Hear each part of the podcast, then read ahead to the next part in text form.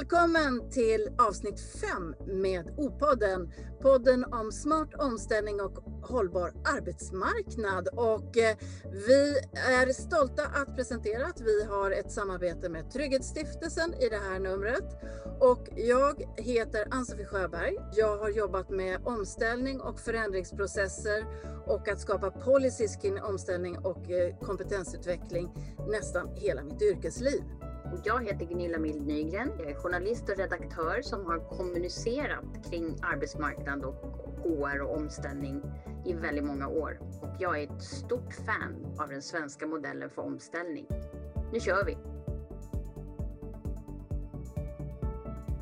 Omställning är ett begrepp som kan betyda flera saker, men på arbetsmarknaden talar vi om omställning som en förändring som i en del fall leder till uppsägningar. Men i en framtidssäkrad organisation, företag eller myndighet som har blickat framåt och tagit in sin omvärld så kan man strategiskt styra verksamheten på ett långsiktigt och hållbart sätt.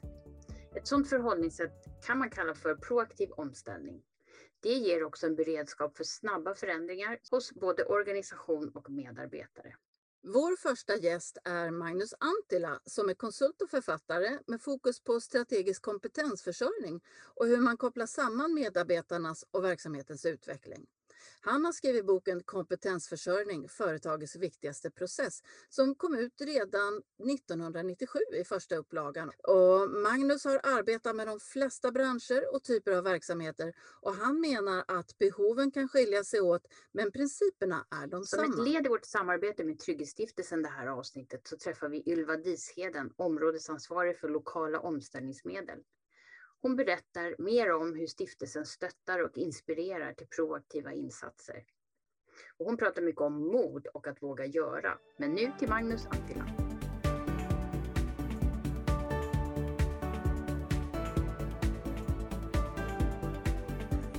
Välkommen Magnus Antila till O-podden och vårt samtal om hur man framtidssäkrar en organisation och företag.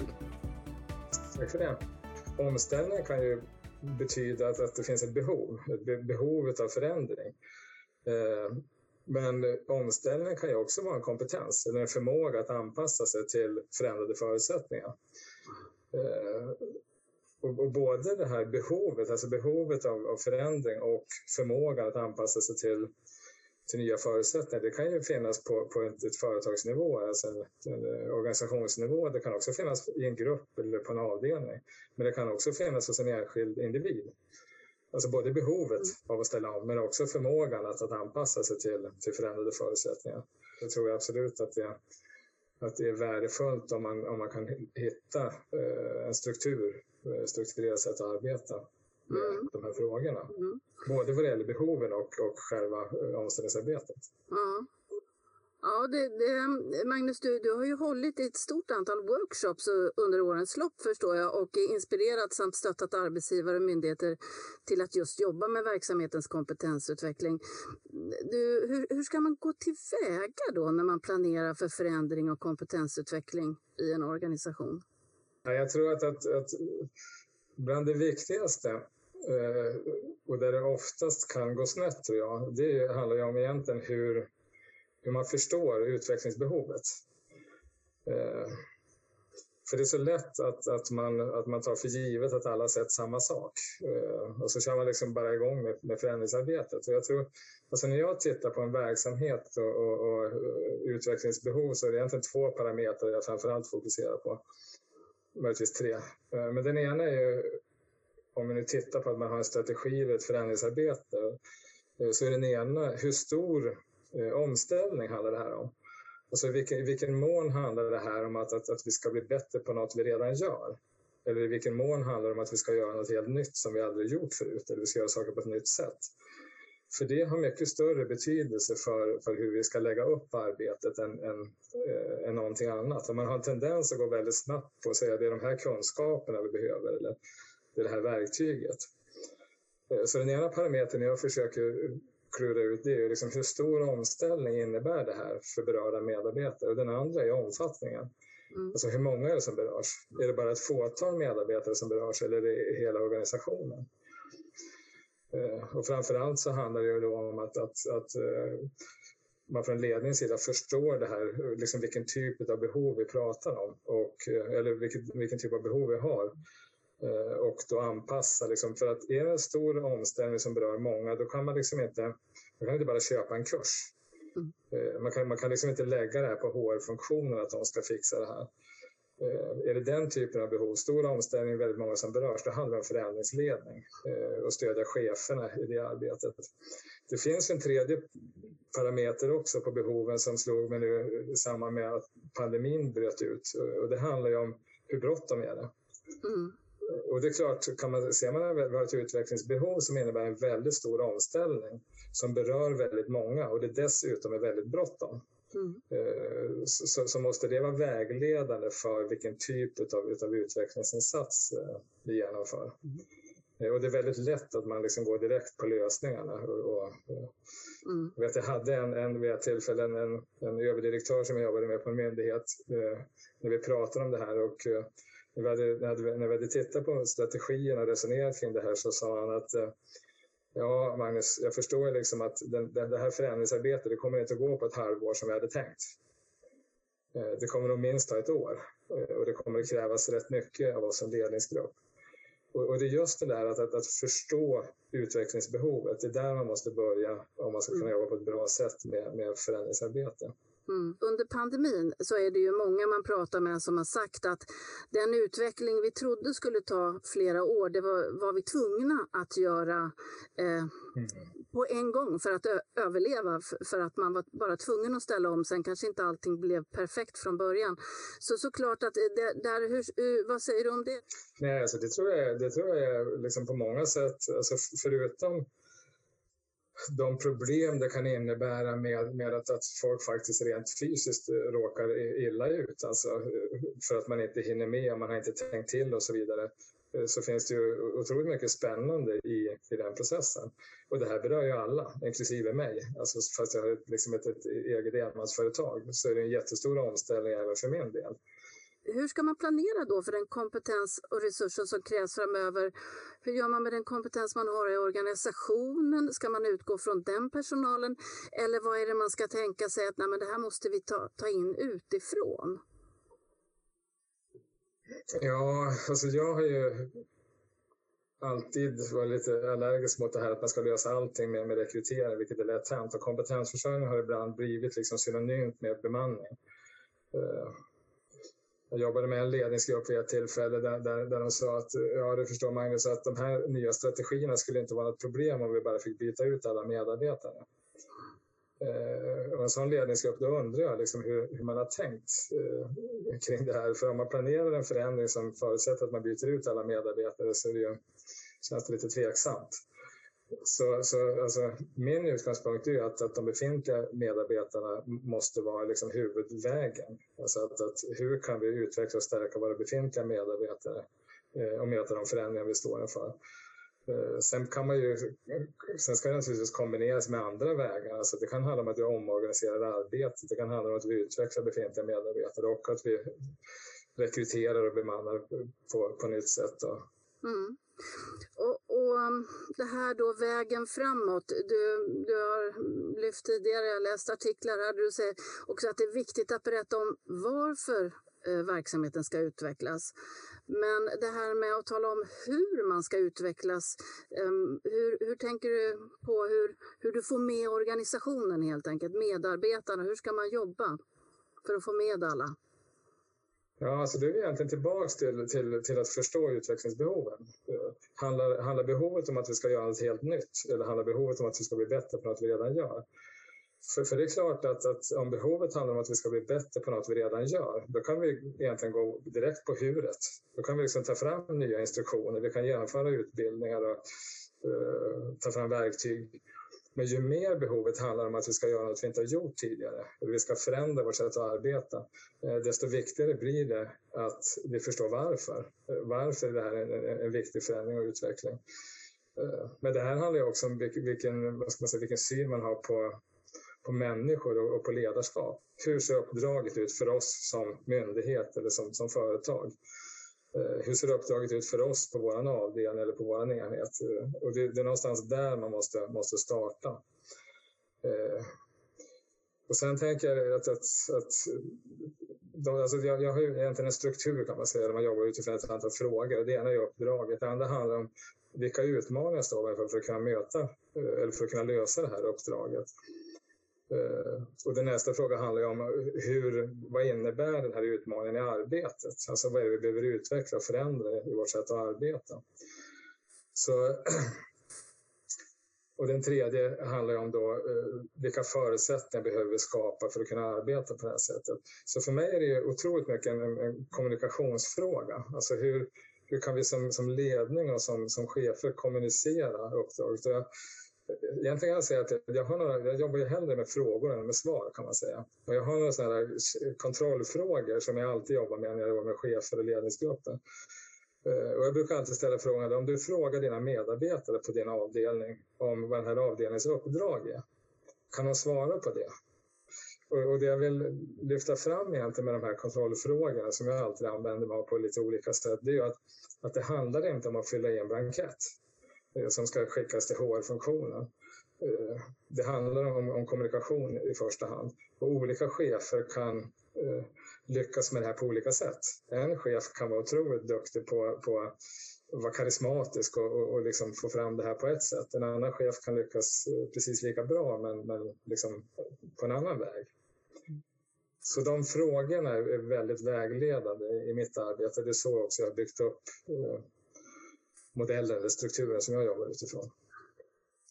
Det tycker jag låter som en, väldigt bra och konkret metod för ledare och chefer att, att eh, jobba vidare. Du har ju utarbetat det här synsättet ehm, och ehm, själva verktyget kan man väl nästan säga, att ställa frågor. Ehm, har du några exempel på när, när du har jobbat med olika företag eller myndigheter och organisationer? Eller? Eh, ja, det har jag. Jag har jobbat i över 30 år. Ja, men... det, finns det finns en del exempel. Nej, alltså, jag, jag gillar att du la till det med verktyg, för att egentligen är jag lite allergisk mot verktyg. Men när du, när du la till det där med att de här frågorna som verktyg, då funkar det. Eh, för annars är det så lätt att man går liksom på verktygen och, och, och tappar eh, säga, idén och syn, synsättet. Men, men, men jag har ju valt att inte namnge eller sätta någon liksom rubrik på, på min struktur och, och det arbetet. Och, Alltså jag, jag tror ju mycket på det här att, att förstå Alltså i, I arbetssättet eller strukturen ligger det här med att, att få, eh, skapa förståelse för behovet, att man förstår vilken typ av behov det är.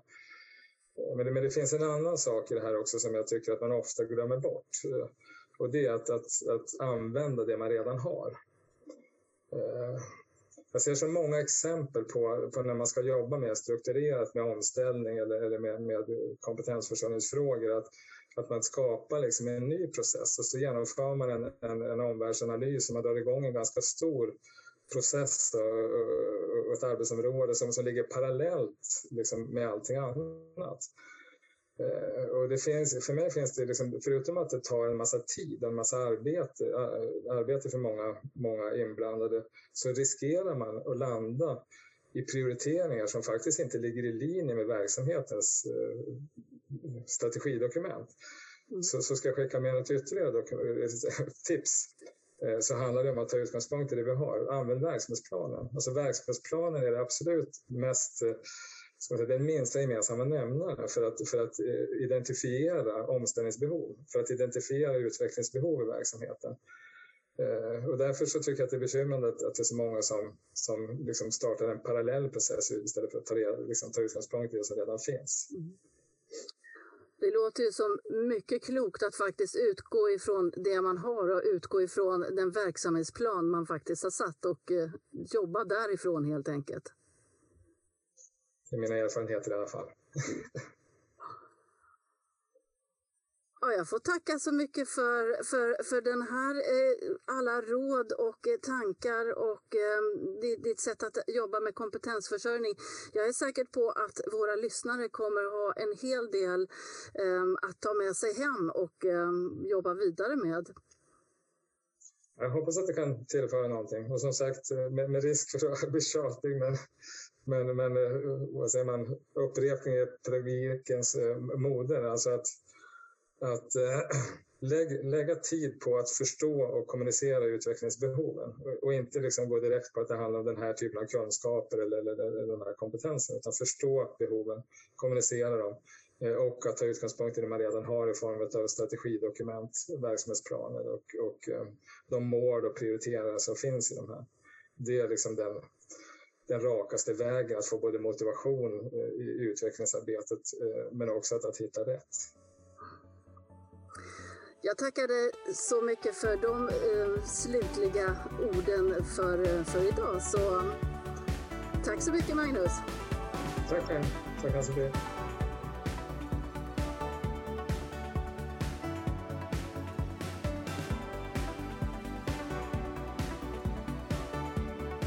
Välkommen Ylva Disheden, områdesansvarig för lokala omställningsmedel på Trygghetsstiftelsen. Tack så mycket Gunilla. Det är väldigt kul att få vara inbjuden. Trygghetsstiftelsen verkar sedan 2015 utifrån två avtal. Avtal om omställning och avtal om lokala omställningsmedel. Som, de kan inte gå direkt in med förebyggande åtgärder som en del andra trygghetsorganisationer. Men de ska däremot inspirera och stötta till förebyggande lokala omställningsåtgärder för att myndigheterna ska använda de medel som varje myndighet öronmärker för just detta arbete enligt avtalet. Och det har funnits en del förvirring och svårigheter att förstå, för avtalet är ju lite, det är ganska stora penseldrag vad jag förstår i det. Så det har varit lite svårt för dem där ute att verkligen veta vad de ska använda de medlen till och vad som tillämpas som vanliga kompetensutvecklingsåtgärder eller förebyggande insatser och det som lokala omställningsmedel kan användas till.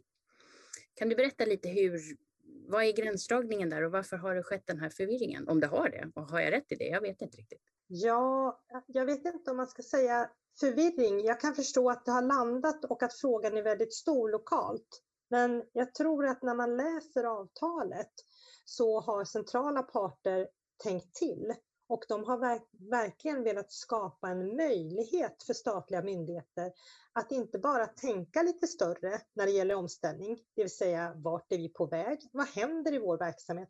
Och hur ska vi kunna stötta verksamheten och medarbetarna? Utan också säkerställa att de här pengarna finns så att de saker man vill göra också ska kunna genomföras. Jag tror att den stora utmaningen har ju varit att man från centralt håll har sagt att vi kan inte sitta här från centralt håll och berätta vilka insatser och åtgärder som du på din myndighet tillsammans arbetsgivare och fackliga behöver komma överens om. Och jag tror att det är här som det blir lite svårt. Men tanken är ju inte att de lokala parterna ska uppfinna hjulet på nytt. Utan centrala parter har ju ändå tänkt att ofta så finns det ju från ledningens håll någon strategisk riktning eller vision. Det finns en verksamhetsplanering. Eh, det kan också finnas ibland ledning i regeringsuppdrag eller regleringsbrev. Jag tänker också, utbyter man också erfarenheter myndigheter emellan? Att man kan liksom lära av varann och prata ihop sig kring just lokala omställningsmedel? Absolut. Eh, vi vet att myndigheter har själva tagit initiativ till det här. Det kan vara så att vi har presenterat en myndighet som har jobbat bra och så har andra tagit direktkontakt med dem. Men vi erbjuder också erfarenhetsutbyten. Men du, jag tänkte, kan du berätta lite mer och gå vidare om hur ni arbetar? För att ni är, ganska, ni är också ganska, inte strikt hållna, men ni har ju ett avtal att förhålla er till och där är det ju meningen att ni inte får säga hur eller vad, utan ni ska just inspirera till det här användandet av de lokala omställningsmedlen. Eh, och jag vet att ni har tagit fram en workshop ju, som är ganska nyligen eh, lanserad, både fysiskt från början var den och så kom corona och så blev den digital. Um, kan du berätta lite om den här workshopen och hur ni jobbar med det här inspirerandet och stöttandet? Absolut. Eh, jag skulle vilja gå tillbaka till det lokala avtalet för att det kallas för ett processavtal. Och då finns det fyra stycken faser i avtalet. Ett handlar om förberedelse, Två handlar om att man ska skriva avtalet. Och tre handlar om genomförandet och fyra om uppföljning. Och Trygghetsstiftelsens stöd, där vi kan ge kunskap och inspirera, Det ska vi göra i förberedelsefasen och i uppföljningsfasen och det är reglerat i avtalet. Och här har ju vi försökt fundera på vilka behov har myndigheterna? Vad säger de när de pratar med oss? Eh, och det vi kan se är att man har haft svårt att hitta fram i den här förberedelsefasen. Att det är lite knepigt. Vilka utmaningar står vi inför? Vad ser vi att omställning är? Och helst hade de velat att vi kom ut till dem direkt på plats i myndigheten. Men det ligger inte i vårt uppdrag utan eh, vi ordnar de här aktiviteterna och istället så skapade vi en workshop för omställning. Och den är till för att ge kunskap och inspiration men vi lyfter fram deltagarnas egen kunskap. Och vi har skapat ett koncept där man tillsammans går igenom och tänker på vad betyder omställning för oss? Vilka utmaningar står vår myndighet inför? Och hur vill vi möta dem? Och sen utifrån det här lite större så zoomar vi in sen och börjar prata med vilka insatser och åtgärder av det vi då tycker är bra kan man använda och finansiera med hjälp av lokala omställningsmedel. Det är väldigt sunt också att varje myndighet får liksom verkligen eh, utgå från sin egen situation och den profil de har på medarbetare, verksamhet och annat. Ja, men jag tycker verkligen att man har tänkt till från centrala parter och skapat ett avtal som det är inte så det innehåller inte så mycket matnyttigt när myndigheterna säger matnyttigt, det vill säga att man skulle gärna vilja veta exakt vilka åtgärder och insatser. Men det, det, är väldigt bra på så sätt att det skapar möjligheter och det lämnar beslutsfattandet om vilka saker man vill göra lokalt, där det ska ligga. Mm. Hur har mottagandet av workshopen varit hittills? Jag vet, ni har inte kört jättemånga digitala, eller? Eller de laddas ju ner själva va, också? Mm. Mm. Nej, men det är ju så att eh, workshopen eh, som den finns idag är ju tänkt att eh, vi har tagit fram ett koncept och vi har tagit fram väldigt tydliga instruktioner för hur man ska leda den här workshopen. Men sen är meningen att eh, myndigheterna själva laddar ner workshopen. Eh, de utser eller hyr in en facilitator om det passar bättre som hjälper till eh, att leda workshopen. Och de som ska delta, det är ju de som representerar myndigheten från fackligt håll och arbetsgivarhåll. Eh, vi har pilotat både den fysiska och den digitala för att säkerställa att man når det syfte och det mål som finns med workshopen det vill säga att bidra med kunskap och inspiration och stötta samverkan. Eh, och eh, vi, vi är jättenöjda. De myndigheter och de utvärderingar som vi gjort, och det är sju eller åtta myndigheter, upplever alla att de, har, eh, att, att de har fått god kunskap, att de tycker att samverkan har förbättrats och flera myndigheter har också gått vidare till att skriva nya avtal. Det är fantastiskt. Mm. Eller hur? En liten applåd tycker jag, för ni, jag vet att ni har jobbat ganska hårt och väldigt eh, liksom insiktsfullt och noggrant med den här workshopen. För det har, liksom, ni har verkligen tänkt till utifrån det som behövdes göras också. För avtalet skrevs ju 2015 och sen har det tagit ett tag innan man har sett vad man kan göra och stötta med och sen har ni jobbat fram den här. Det är ju fantastiskt. Vad roligt. Grattis! Tack, Tack Gunilla! Ja. Eh, nej, men vi, vi är jätteglada och stolta och mm. det är ju många personers arbete bakom det här. Mm. Men eh, ibland ska man ha lite tur också. Vi hade ju lite tur och eh, uppdraget att ta fram workshopen det lades ju på Anna Gullstrand eh, som tog fram årets HR-bok som heter Att facilitera. Så vi fick ju ett superproffs eh, som faktiskt skapade vår workshop. Och vi tror att den här workshopen, det är ju ingenting som bara kommer hålla i ett år. Utan konceptet och att det här sättet att göra workshopen på, det här kommer hålla i flera år. Mm. Och det här är någonting som myndigheterna kan göra både i år men också nästa år. För att kanske tänka till igen. För omställning, och det här tycker jag är så intressant. Jag tänker att omställning är förändring. Och eftersom förändring hela tiden sker konstant, då kanske den omställning som var för oss i år betyder någonting annat nästa år. Mm.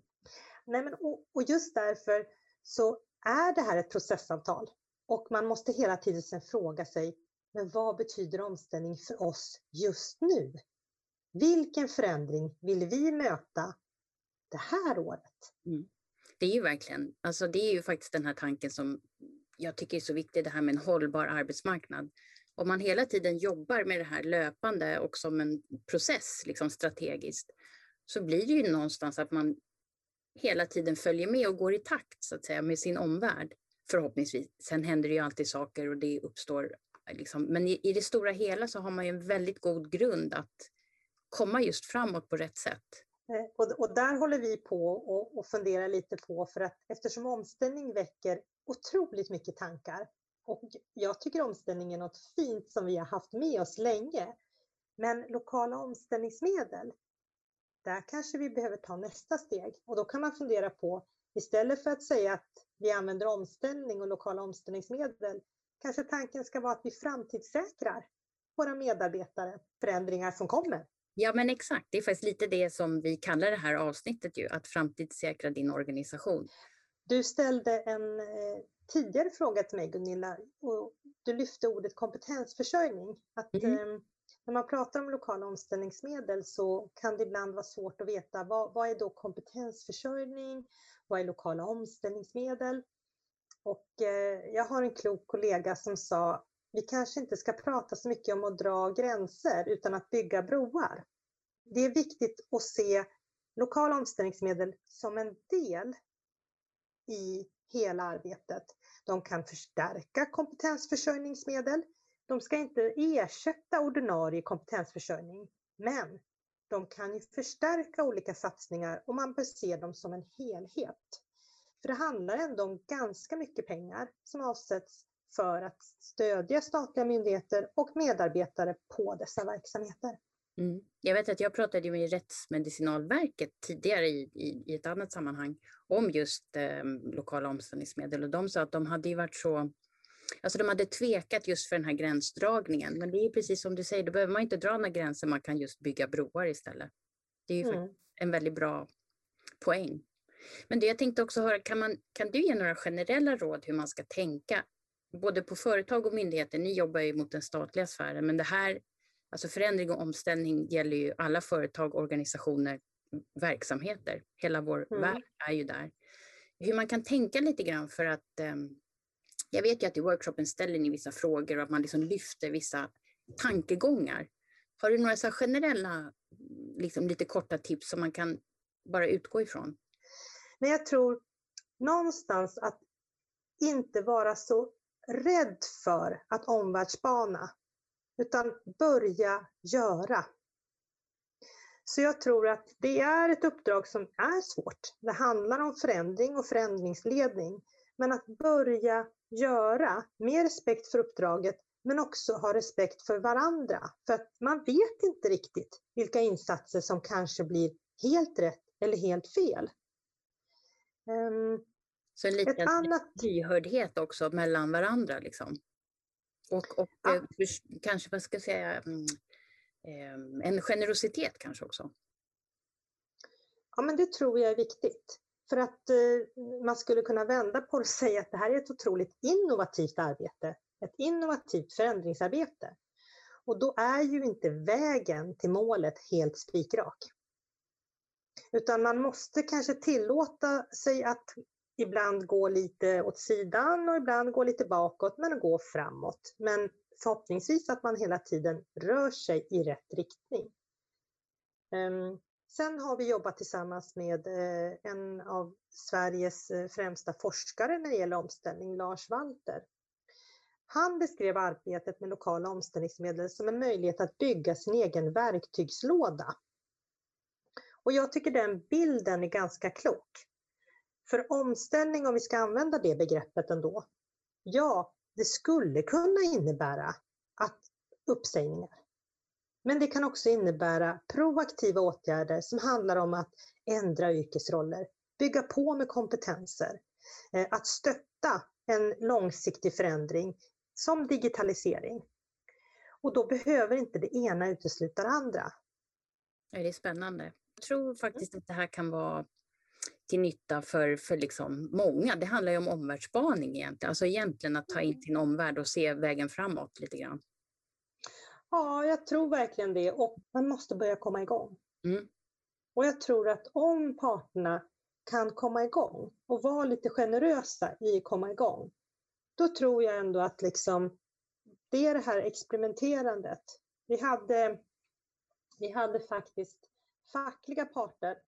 Eh, jag tror jag har haft två eller tre fackliga parter som ändå uttryckt sig så här, "Ah, men det här, det här är ju pengar som man kan ju chansa lite. Man kan ju testa om man vågar. För blir det bra, då kan det ju bli riktigt bra. Mm. Så det vi försöker stötta i är kanske lite det du säger, mod. Att våga göra och är parterna överens, för det är de som har gjort analysen, det är de som fattar besluten och det är ingenting som vi på Trygghetsstiftelsen kommer titta på och säga ni gör rätt eller fel. Utan man äger själv omvärldsanalysen och man äger själv insatserna, lösningarna och finansieringen. Och den är ju ganska härlig. Mm. Verkligen.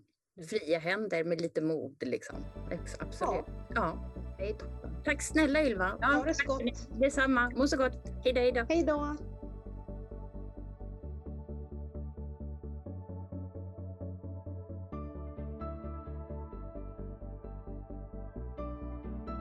Stort tack till våra gäster Magnus Antila och Ylva Disheden och det fina samarbetet med Trygghetsstiftelsen som ju arbetar med att inspirera och stötta till förebyggande omställningsarbete. Men det finns ju faktiskt fler, alltså, Ann-Sofie, som omställningsorganisationer som jobbar förebyggande, eller hur? Jajamensan, vi har eh, bland annat SIKO, den senaste etablerade omställningsorganisationen. De jobbar just nu med, med bland annat att göra individuella kompetensutvecklingsplaner som de erbjuder. Eh, Trygghetsrådet TRS. Vi har också Omställningsfonden med kommuner och regioner. De jobbar också på olika sätt med det förebyggande. Mm. Och eh, TRR som vänder sig mot eh, det privata, privatanställda tjänstemän, de jobbar också att stötta arbetsgivare och fack inför omställningar. Så det finns ju en hel del bra proaktivt jobb och stöd som man kan få som både företag, myndighet och organisation. Så ett bra tips är väl att höra sig för vad som gäller för just dig och ta hjälp om det går. Mm. Ta hjälp. Kolla vad omställningsorganisationerna kan ge. Yay! Ska vi tacka för oss då? Ja, det tycker jag. Ja, tack för den här Ha det gången. bra! Hej då! Hej då! Hej då!